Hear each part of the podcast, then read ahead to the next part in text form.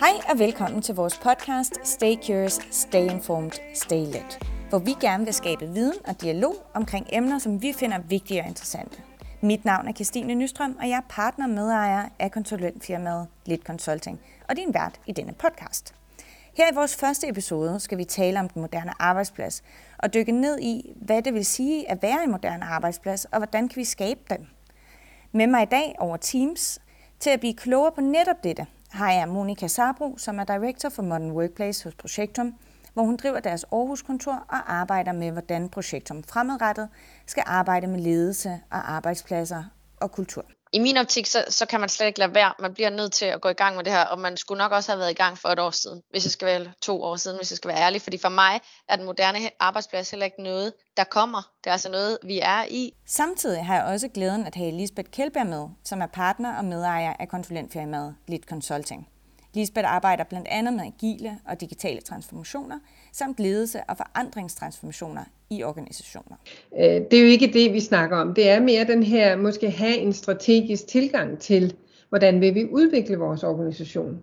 Og, og ikke mindst med, hvordan vil vi understøtte vores medarbejdere, så de skaber størst mulig værdi for os. Så lad os dykke ned i, hvad den moderne arbejdsplads er. Så hvis vi starter med, hvad er den moderne arbejdsplads egentlig? Der er jo rigtig mange, der taler om det lige nu her, specielt post-corona. Vi arbejder alle sammen på Teams.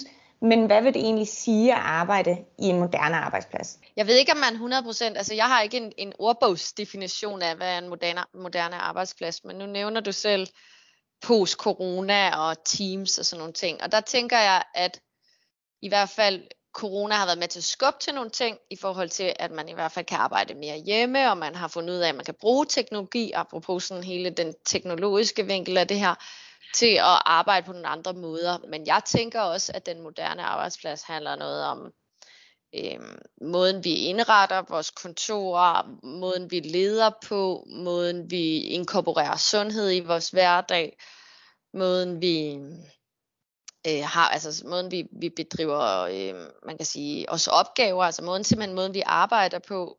Jeg tænker transparens, jeg tænker kommunikation, jeg tænker, øh, hvis vi skal sådan køre den helt ud, så kan man sige også nye forretningsmodeller.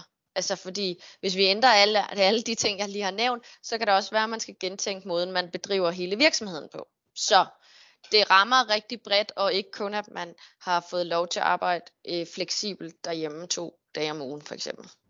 Ja, og, og jeg er helt enig med dig, Monika, og jeg tænker også, at øh, hvis man kigger på øh, udviklingen, øh, da vi havde bankerne, der ligesom flyttede fra øh, at være fysisk til stede i gadeplan, nu, er, nu øh, møder man jo ikke sin egen bank, man overhovedet, medmindre man er øh, Øh, på et eller andet, øh, en eller anden platform. Men altså det her med, at vores arbejds, moderne arbejdspladser, de skifter måske fokus fra at have bygning først, mentaliteten, altså det vil sige det fysiske sted, du går hen, øh, til altså medarbejder først, realitet. Altså hvordan, hvordan kan vi understøtte vores medarbejdere på bedst mulig måde, så de skaber den bedste værdi øh, i det, de gør. Så jeg tænker også, altså ligesom du siger, Monika, det her med, nej, men nu er vi øh, post-corona, og alle har fået Teams eller Zoom, eller, og de har fået de øh, værktøjer, de skal bruge for at kunne fungere. Jamen det er jo ikke den moderne arbejdsplads kun. Altså der er jo en masse andre elementer i det også. Så altså, man kan sige, det er rigtig bredt, og måske øh, langt de fleste virksomheder har udfoldet et lille hjørne af det nu, ikke? Og så er det heldigvis, så kan man sige, det, det det har gjort, er, at man har fået en debat og en samtale om, kunne vi egentlig strikke det her sammen på en anden måde? Jeg tænker også, at noget af det, der er vigtigt at tage frem, og det bliver, og det er også derfor, det nogle gange kan være svært, for det lyder så fluffy, men jeg synes faktisk ikke, det er så fluffy. Vi har også generationer, der kommer til at stille mere spørgsmålstegn til meningen med arbejdet. De går ja. ikke bare på arbejde, fordi at de skal tjene nogle penge.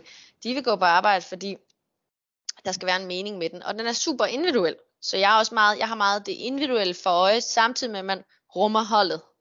Øhm, så meget mere individuel øh, service til de forskellige medarbejdere, end at putte dem i alle mulige kasser, som vi måske også har tidligere gjort, fordi det var nemmere at orkestrere. Så er det egentlig sådan, bliver man nødt til at vende bøtten lidt rundt.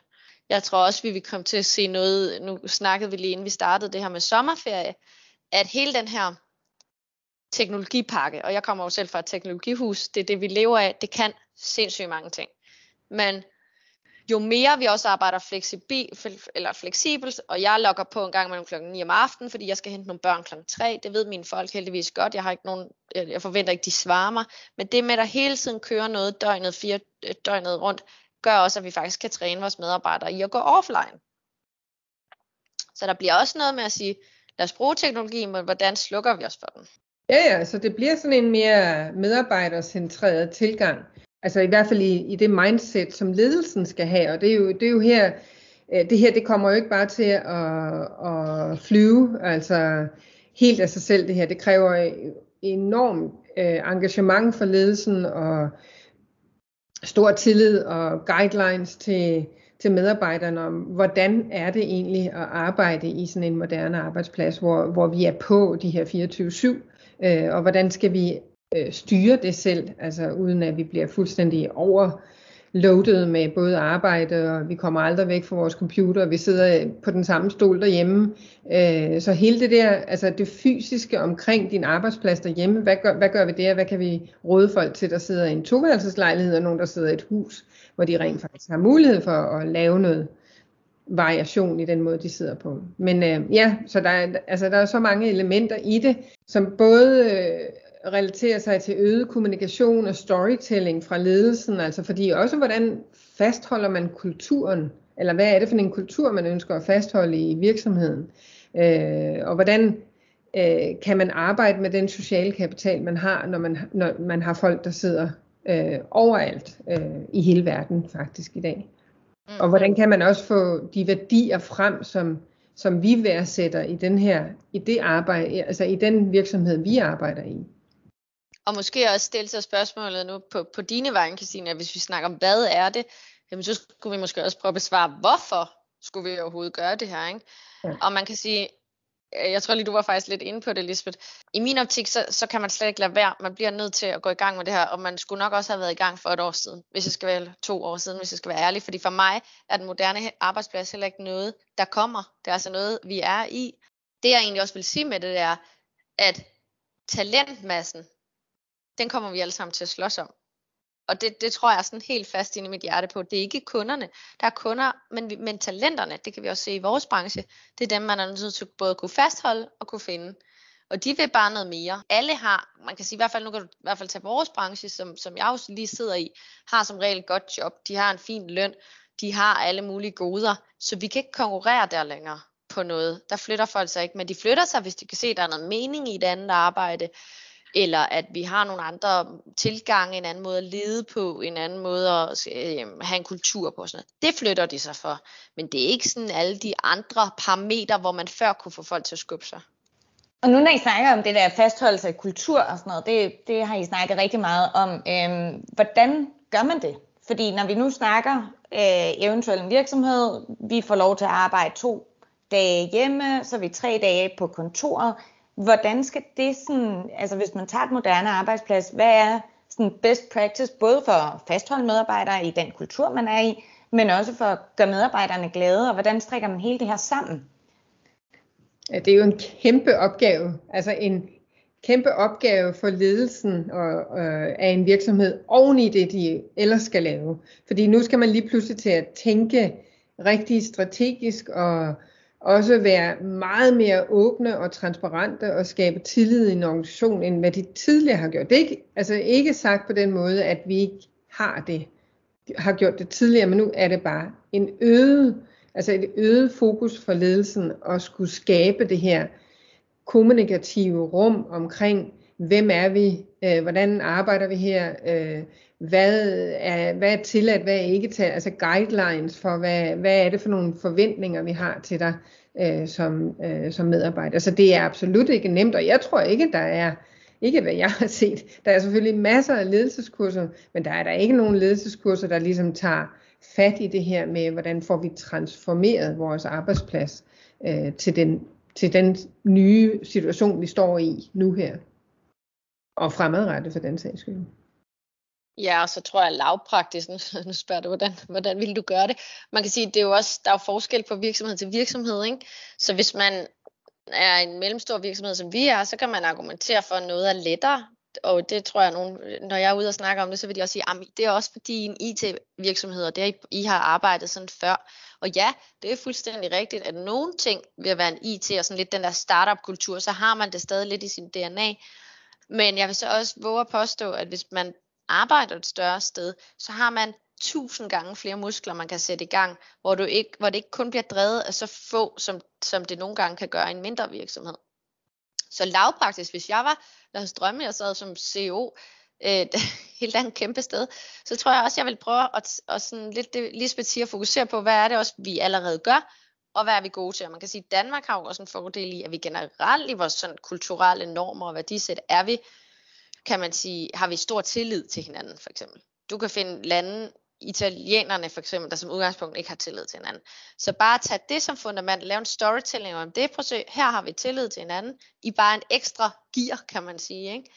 Finde nogle af de, også de lidt yngre generationer, der måske lever det her uden at tænke over det. Fordi det må vi også bare acceptere, der sidder nogle kæmpe masse, eller kæmpe mange folk, der har sindssygt meget erfaring, og dem skal man have bragt i spil, kombineret med de unge mennesker, der bare har det i sig, fordi de bare er vokset op i en helt anden verden jeg prøver jo også nogle gange at drille, altså når alle laver digitale transformationer og alt det her, men det er sjældent, de virksomheder har en ung menneske siden i deres bestyrelse, hvor jeg sådan tænker, der sidder nogen og tager en masse beslutninger om nogle ting, de slet ikke, de har ikke levet i den digitale tidsalder. Og ikke fordi de unge mennesker skal sidde og tage alle beslutningerne og sidde for bordenden, men man kunne i det mindste prøve at involvere dem. Ja. Og lære af dem, ikke? Betyder det så, at vi alle sammen skal være unge, og vi bare skal øh, skøde alle de gamle? Nej, for guds skyld ikke. For guds skyld ikke. Det er slet ikke det, jeg siger. Jeg siger bare, at man bliver nødt til at åbne armene og forholde sig til, at der kommer nogle andre inputs og nogle andre måder at gøre det på. Og så er man nødt til at lægge det gamle mindset på hylden og sige, som udgangspunkt, så gør mine medarbejdere det, de skal. Jeg har ansat dygtige, gode folk. Hvordan arbejder jeg med dem og får det bedste output ud af dem? Og så stole på, at de så selvfølgelig laver og gør deres arbejde, fordi man har forventningsafstemt, som Lisbeth også er inde på, og fordi man finder nogle andre måder at lave check-ins på. Det kan være virtuelt, det kan være, øhm, ja, hvad ved jeg, telefonopkald, eller gå en tur i skoven, eller hvad man nu kunne finde på. Øh, men det, altså, det kan jeg også se mig selv, det kræver jo, at man er virkelig på som leder, på mange platformer også, og man er tilgængelig, og man kan ikke sidde og skjule sig og sådan nogle ting, ikke? for så fungerer det ikke. Ja, og hvad med sådan de fysiske rammer omkring øh, det med nu? Altså, tror I, der kommer sådan et, et shift i det? Eller har I set det allerede ske med de kunder, I arbejder med? Ja, altså det, kan, det, det sker. Altså det kan jeg se øh, en, en af de største øh, forsikringsselskaber her i Norden, som jeg øh, arbejder med, de er ved at lave øh, en mere levende arbejdsplads. Og det er igen altså fokus væk fra øh, den, den fysiske bygning til, hvad er det for et behov medarbejderen har. Så når de nu er i bygningen, hvad er det så, de ønsker? Øh, jamen altså, der er ingen faste arbejdspladser, altså, du har ikke et kontor længere, øh, eller en, en, et, en, en skrivebord, og du kommer ind, der er nogen øh, ledige et eller andet sted. Der er bokser til at lægge dine øh, private ting i, der er Øh, lounge-områder med spil. Øh, det er jo heller ikke noget nyt, men det er bare blevet mere synligt nu, fordi nu er behovet, når du kommer ind, måske mere, at du har behov for at være sammen med dit projekt, dit teammembers eller venner øh, på arbejdspladsen, hvor du får snakket nogle ting igennem. Det er sådan set ikke sikkert, at det er så meget arbejdsmæssigt relateret, der sker i de der lounges. Det kan der sagtens være også. Men... Og så er der områder, hvor der er whiteboards, og hvor du kan tegne, og du kan have have dine øh, små workshops kørende på en anden måde. Så, så ja, altså tingene ændrer sig. Det er selvfølgelig små skridt af gangen, og man skal også være med som medarbejder jo, fordi det er jo helt nyt. Hvordan skal jeg forholde mig til det? Øh, skal jeg gå det ene sted hen, eller skal jeg gå det andet sted hen? Så man skal også lige pludselig forholde sig selv til, hvad er det, jeg har behov for, når jeg kommer ind øh, på mm. jobbet rent faktisk. Ikke? Så det, det er jo også en ny ting for medarbejderne. Jo, og et eller andet sted er vi jo også alle sammen en lille smule vanedyr, selvom vi ikke helt vil være ved det. Ikke? Altså, øh, jeg har jo en drøm, og det kan jeg lige så godt sige, jeg er der ikke nu, så det er ikke fordi IT-branchen har det hele. Men jeg fik æren af at lave et oplæg til vores øh, CO, som, som øh, er CO for den kapitalfond, vi er ejet af. lige inden sommer, hvor jeg sagde til ham, jeg synes virkelig, også fordi vi har problemer med at finde talent, at vi skulle prøve at tænke i nogle anderledes hops, hvor man kunne gå ud og være kreativ og arbejde. Og det kunne for eksempel være en husbåd i Amsterdam, fordi vi har lokationer i Amsterdam. Det kunne være en trætophytte her i Norden.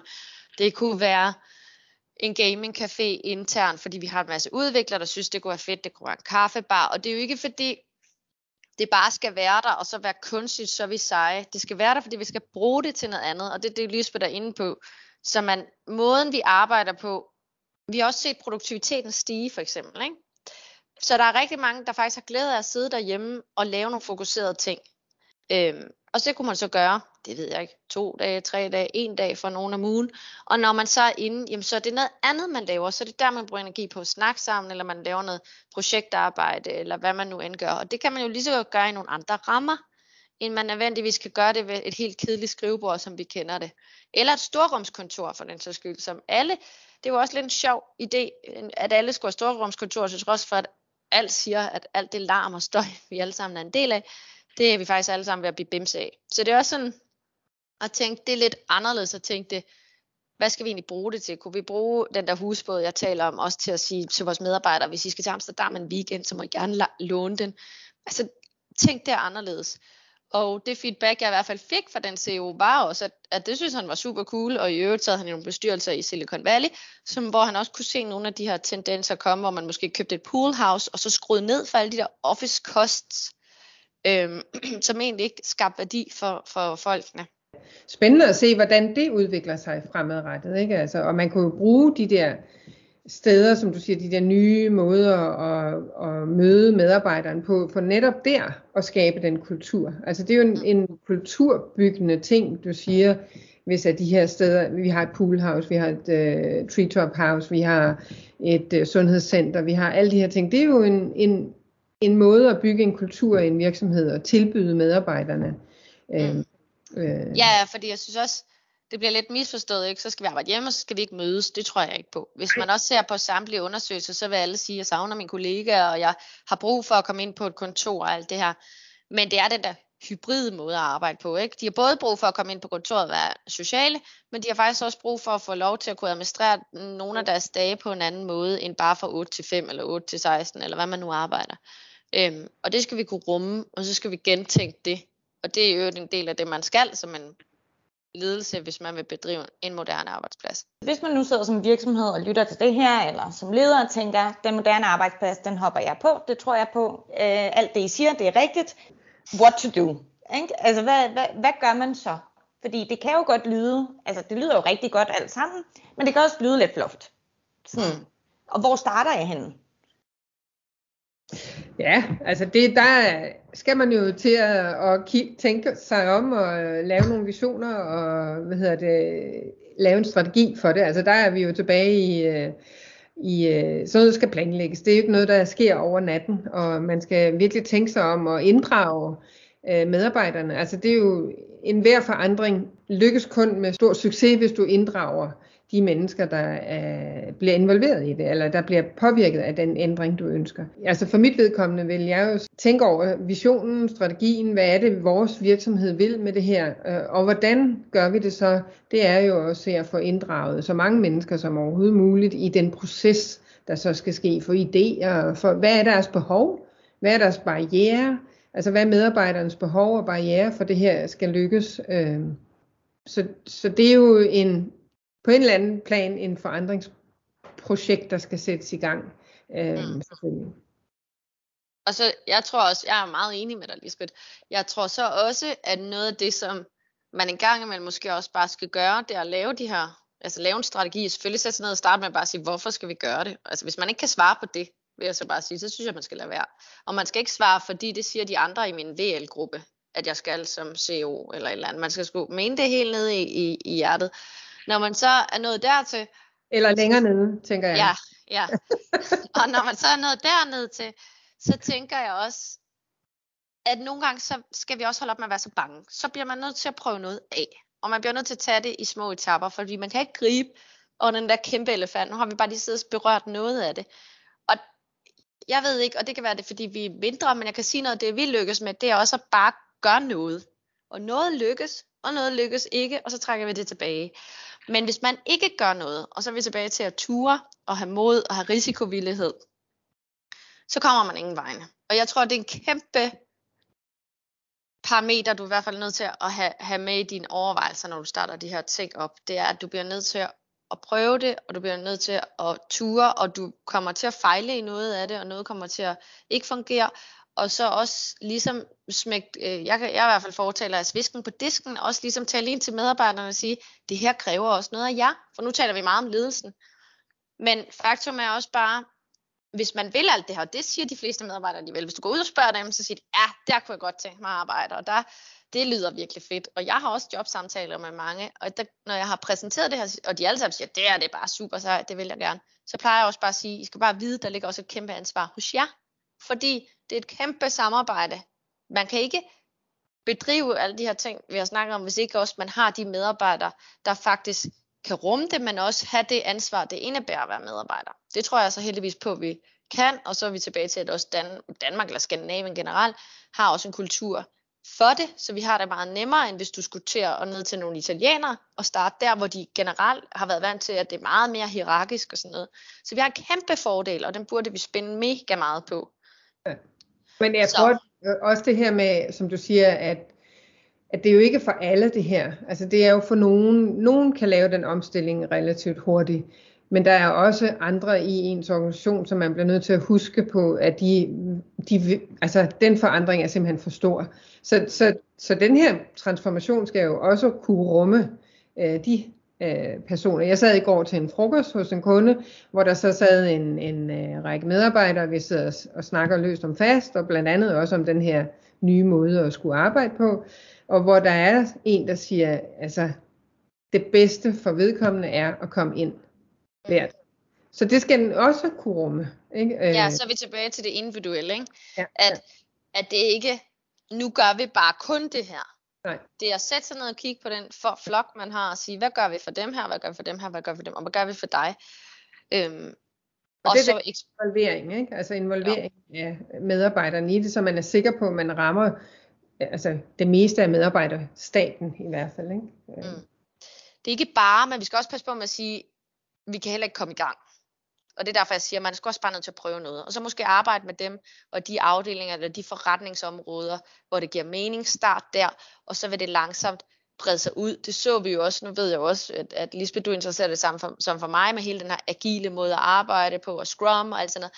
Det startede også i IT-branchen, hvis vi bare skal tage den del. Men nu ser jeg Scrum og Agil og Safe og alle mulige steder, også ud i store produktionsvirksomheder og virksomheder, man aldrig havde tænkt sådan. Så, så alt andet lige, så bliver man nødt til at starte der, hvor det kan få noget næring, og så ligesom arbejde sig ud af. Ikke?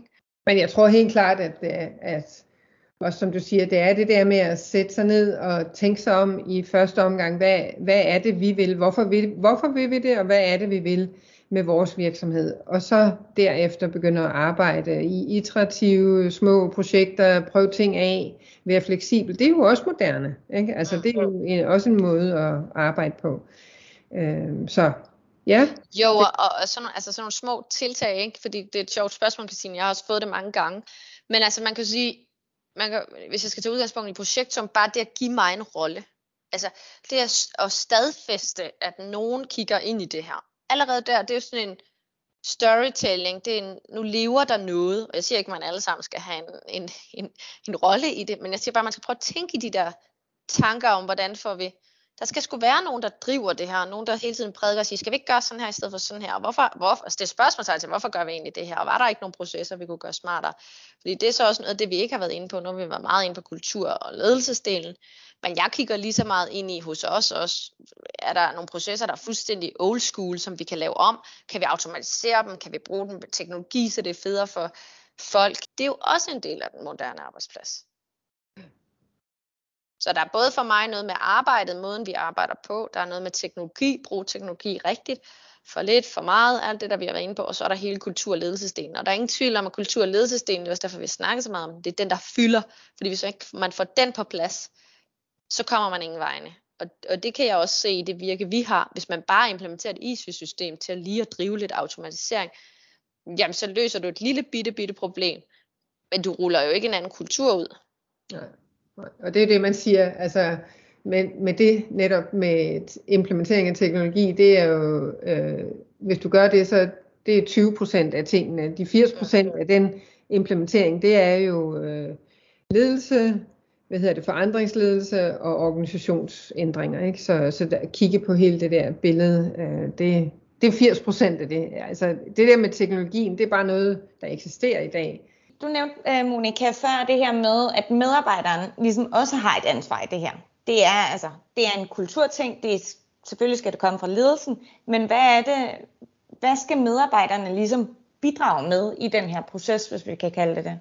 Så skal de jo også bidrage med, altså jeg tror også, jeg plejer at sige, jeg er jo også bare et menneske, så man kan sige, det går lidt den anden vej også, så det vil sige, tillid bliver de også nødt til at have til mig, at jeg, jeg ligesom gør det, jeg skal.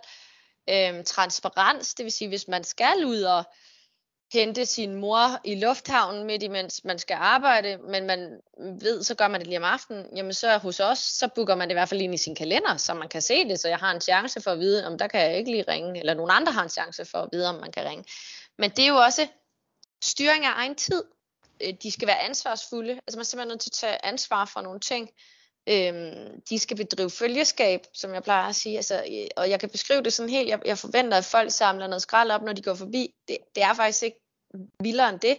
For hvis man gør det, så gør man også så mange andre ting, hvor man tager nogen under vingerne, man har øje på sidemanden, og lederen ikke lige er den dag på kontoret, eller så det kræver også den der holdindsats, ikke? fordi som Lisbeth snakker om, så er der måske nogen, der er på kontoret, men ikke nødvendigvis ens leder, eller omvendt, en dag sidder lederen, og så er medarbejderne der ikke. Men så er der nogle andre, der skal træde i karakter, og ligesom lige hjælpe, eller lige få ringet og sagt, har du lige et øje på det der, fordi han, hun var inde i går, og det, hun hang lige lidt med ørerne, eller hun var mega glad. Det kunne jo også være en, en god ting, ikke? Men jeg tror også, at det er jo, altså når det er sådan en forandring, øh, og, og du spørger til, Christine, hvad, hvad, hvad kræver det af medarbejdere? Jamen det kræver jo, at de er åbne og villige til at, at forsøge. Vær med på test, vær med på at forsøge nogle nye ting, og ikke øh, gemme sig for meget bag øh, de her rutiner. Altså når man tager sine sko på, det kender alle, så stikker man højst sandsynligt øh, højre fod ned i skoen først, og det er bare det at lave det om til en venstre øh, fod, det er meget svært. Så det, det kræver også den her villig, villigheden til at, at prøve noget. Enig. Og der, der tror jeg, det kan man godt dyrke mere. Altså, det er lidt mere en ja-hat, ikke? jo, eller måske også øve sig i sådan helt kognitivt nogle redskaber. Det kunne man jo i øvrigt også træne sine medarbejdere i at sige, hvad er det, jeg har indflydelse på? Hvad kan jeg rent faktisk gøre noget ved? Og så ja. måske prøve at lægge det der, og nu, så man ikke kan gøre noget ved. Og det lyder super nemt, når jeg siger det. Og det er ikke, fordi jeg selv er ekspert i det, men jeg prøver faktisk at øve mig i det. Fordi det gør også, at jeg ikke tager alting så tungt, og jeg, nu har jeg også været i IT-branchen, der flytter sig hele tiden, og der bliver man bare nødt til at være det ord, som egentlig hedder forandringsparat. Det, men det bliver du sgu lidt nødt til at være. Og det ja. kan man diskutere, at det bliver alle brancher nødt til at være. Det er ikke kun IT. Hvis vi ligesom siger, hvad er fordelen ved den moderne arbejdsplads? Der er selvfølgelig noget fleksibilitet, øh, det kan vi alle sammen være enige om, men, men er der nogle andre kontra en helt traditionel virksomhed, som vi kender den, det er rart, det er trygt, vi ved alle sammen, at det går ud på. Hvad er det fede ved en moderne arbejdsplads?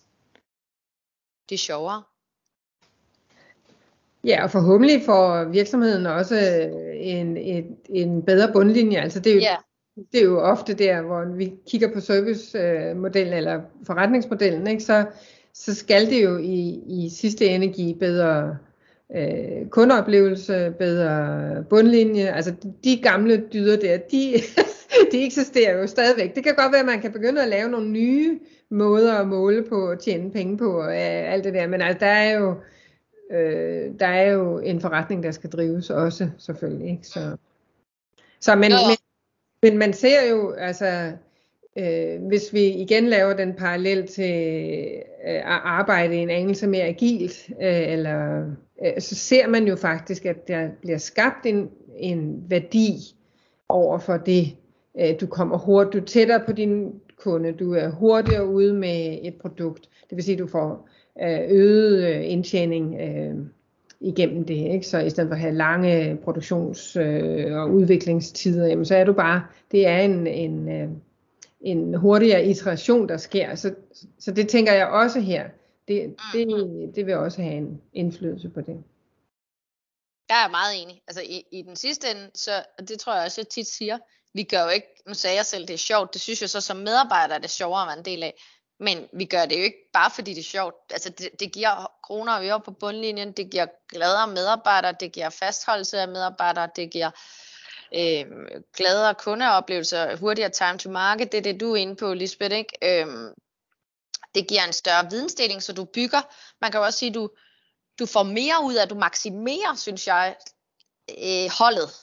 Hvis du nu for eksempel får noget god vidensdeling op at køre, så kan man sige, jamen, så bliver holdet som holdet bliver klogere, ikke? End, end at man bare sidder på det individuelle viden.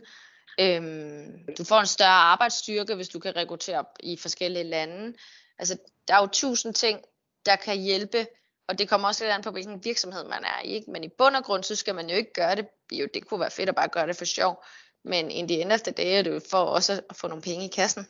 Vi har været inde på fleksibilitet, den hybride arbejdsplads, og hvordan vi ligesom har både de gamle dyder, og en virksomhed skal stadigvæk køre rundt, så vi har nogle KPI'er, vi har nogle budgetter, øh, som stadigvæk skal holde, og vi skal skabe en god bundlinje. Og så har vi samtidig den her moderne arbejdsplads. Kan de to ting forenes? Det er jo et meget stort spørgsmål. og, og, og jeg tænker, at, øh, at alle skal jo tjene penge. Øh, og vi har nogle, altså, vi har nogle kunder, øh, der har en eller anden forventning om en eller anden leverance, øh, og vi skal have en, ligesom vi talte om lige før, der skal være øh, nogle penge på bundlinjen til at betale gildet. Øh, så derfor tænker jeg, at selvfølgelig er det ikke noget, vi, vi kan ikke bare kaste os hen og sige, øh, nu får alle lov til at gøre, hvad de vil, og, og, og, øh, og, og I kommer tilbage, øh, når I synes, I er glade igen. Øh, det er jo ikke det, vi snakker om. Det er mere den her, måske have en strategisk tilgang til, hvordan vil vi udvikle vores organisation. Og, og ikke mindst med, hvordan vil vi understøtte vores medarbejdere, så de skaber størst mulig værdi for os. Altså så, så det er måske mere det at tage en aktiv stilling til, hvordan udvikler vi vores organisation. Øh, og at det bliver ligesom en del af et forretningsområde i en virksomhed. Øh, mhm. mere tydeligt, end det er i dag. Ja, og så også, man kan sige noget, det Lisbeth er inde på, er jo også det der med, at nu taler du lidt ind og griner lidt af, at du siger, det er fluffy, Christine, men jeg er faktisk på nogen måde faktisk også, vil godt være lidt uenig med dig, ikke? fordi hele den agile, det ved jeg også, Lisbeth er enig med mig i. Lad os bare tage hele agile setup, hvor man tror, at man, man bare øh, bliver kastet ud i det, og så kan man komme tilbage, når man ikke har flere penge. Altså, der er jo enormt meget struktur i den agile måde at arbejde på. Og det samme med moderne arbejdsplads. Jeg plejer at sige, det handler ikke om, at der ingen ledelse skal være. Der skal nærmere være mere ledelse, men det er en anden slags ledelse, end den vi måske har set tidligere. Øhm, og det tror jeg er lige vigtigt at have for øje, at det ikke er fordi, man bare øh, er det nye øh, øh sådan hippie sted, øh, men det er en helt anden måde, man gør tingene på. Det er den ene ting. Den anden ting er også, jeg tror, man skal som virksomhed øh, tage de kritiske briller på over for sig selv, og så sige, hvor er vi hen modenhedsmæssigt. Fordi nogle af de virksomheder, jeg kan komme i tanke om, som er ude i, helt ude i, vi har ingen øh, regler for, hvornår du holder ferie og sådan. Altså der findes jo ekstrem, der er jo helt ude til, vi giver, eller alle ved, hvad hinanden får i løn. Altså dem ser man jo også. Men de er også startet for lang tid siden, eller de er måske ikke børsnoteret, hvor de skal levere et budget op til, eller så man er nødt til at kigge ind på sin egen virksomhed, og så man er man nødt til det, det du taler ind til, Lisbeth, at sætte sig ned og sige, okay, aktivt, hvad gør vi så her? Og det kan være forskelligt, og nogle virksomheder kan aldrig blive Spotify. Det tænker jeg faktisk ikke, de kan. Og nogle har potentiale til at blive det, fordi det giver mening. Så er vi tilbage til mening. Øh, både fordi der er de medarbejdere, der kan rumme det, det er dem, man hyrer, og det er dem, der søger de jobs osv. Der kan være store virksomheder, som, som jeg lige har sagt, der skal referere ind til kæmpe, øh, kan man sige, helt øh, ren øh, børsagtigt, de vil stadig have et budget, de vil stadig vide, hvor mange ressourcer de skal have, osv. osv. Der må man jo finde en hybrid måde at arbejde på. Så man siger, vi, vi, vi giver stadig, jeg tror, vi plejer at sige, jamen vi får stadigvæk lavet det afrapportering, der skal til op og til, for at butikken kan køre, men vi er egentlig ligeglade med, hvordan de nede i det enkelte teams og den enkelte medarbejder struktureres i dag. Det er så set ligeglade med. Vi skal bare have de tal, vi har brug for at styre biksen opad til. Så jeg synes, der er en vigtig pointe i også lige at kigge på sin egen virksomhed og så sige, hvor kan vi bedrive den virksomhed hen? Og det tror jeg også var det, du lidt talte til, ikke, Lisbeth? Jo, jo. Og, det kan være, og det kan være forskelligt. Så når vi i Projektum er dem, vi er, med den DNA, vi er, kan vi måske bedrive det på nogen måde, og måske endda længere, hvis vi skal sådan sige det, fordi vi har haft nogle andre forudsætninger, end så mange andre har. Men det mm. betyder ikke, at man skal gå i stå. Det, det er det, der er min vigtigste pointe. Det vil sige, at man kan ikke bare sætte sig og sige, nu er vi kæmpe X firma her, og vi har valgt til at gjort sådan her, sådan her, og vi har et kæmpe fedt navn, øh, så det gør vi ikke noget ved. Jo, det, det bliver jeg så nødt til at gøre noget ved, i jeres kontekst. I hvert fald, hvis du vil blive ved med at kunne hyre folk, tror jeg. Ja, fordi det kommer vel også meget tilbage til sådan på, vi snakker om talentmasse før, ikke? Altså en yngre generation, der kommer ind, der skal være mening med det, jeg laver, fordi hvorfor skulle jeg ellers gøre det? Jeg er ikke bare, går ikke bare på job for at tjene penge, eller altså, jeg skal kunne identificere mig mere med det, jeg arbejder med. Og det kan jo godt være en kæmpe stor virksomhed X, der er mere traditionel, men det kan også være det andet. Så det er vel mm. også noget med, at man også udad til, tænker jeg, kommunikerer, hvem er vi, og mm. også så efterlever det, så man ikke bare kommunikerer et eller andet. Som, ja, det tænker jeg er rigtig vigtigt pointe. Ja. Altså jeg tænker, man er det, man kommunikerer, og ikke omvendt, for så går der kæmpe clash, ikke? Jo. Øhm, så det er du ret i, og, og der er jo også stadig masser, der gerne vil det, du lige talte ind til, fordi det også giver mening, og man kan også lære rigtig meget af det, ligesom man, altså den der debat privat-offentlig, man har haft i tusind år, øh, hvad er bedst, og, altså hvis privat og offentlig, det der fungerer bedst, er jo, når vi lærer hinanden, for de kan nogle forskellige ting. Det samme kan man sige, hvis man har nogle større virksomheder versus nogle mindre virksomheder, så lær af hinanden at bruge det aktivt i de virksomheder, man nu end har. Og hvis I skulle ligesom sådan summe op lidt, hvad er de fem ting, man skal være opmærksom på? Altså vi har snakket meget om tillid og transparens, og sådan. så hvis vi nu skal skabe en moderne arbejdsplads, hvad er det for nogle fem, ti øh, ligesom pillars, man skal tage fat i?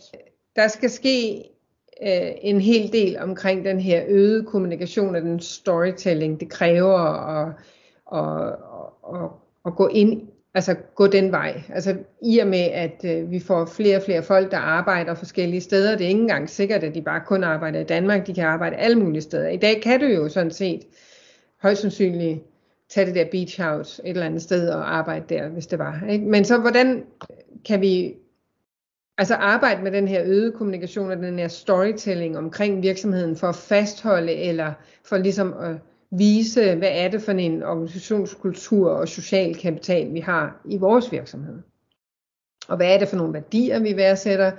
Øh, og så skabe det her, det her rum for tillid og ansvar øh, og fleksibilitet og transparens. Altså det, det er nogle af de nogle af de ting, jeg tænker på, øh, som er vigtige. Mm. Og der er enig, og hvis vi så skal så du ikke kun siger, at det kun er de fluffy ting, vi nævner, så kan man sige, at baggrunden af det her, det er jo også, man bliver jo nødt til at kigge på sin, altså jeg tror, jeg var lidt inde på det under dyk, men også kigge på hele forretningsmodellen, fordi hvis man har en forretningsmodel, der faktisk ikke støtter op om alt det der, så starter det jo egentlig forretningsmodellen. Ja. Og der tænker jeg også, og der kommer teknologi måske faktisk i højere grad til at, at påvirke. Ikke? Så vi ser jo lige nu rigtig mange virksomheder og organisationer, der skal tænke teknologi ind i deres offerings. Øhm, nogle har gjort det i mange år, nogle er stadig på rejsen, nogle er i gang, osv. osv. Og det forretningsmodellen kommer til at skal ændre nogle ting. Og hvordan hænger det så sammen med måden, vi arbejder på? Så jeg synes, det er super vigtigt at koble det til det, de ting, fordi det er the end of the day også det, forretningerne lever af at lave. Ja, ja men tusind tak. Velbekomme. For at I vil være med i, uh, ja vores lille podcast her om den moderne arbejdsplads. Det var så lidt. Det var så lidt. Og tusind tak til dig, fordi at du lyttede med i vores første episode af vores podcast-serie Stay Curious, Stay Informed, Stay Lit. Hvis du gerne vil vide mere om den moderne arbejdsplads, så er du meget velkommen til at kontakte Lisbeth og Monika på LinkedIn. Jeg takker af for denne gang og glæder mig til, at vi høres ved i november.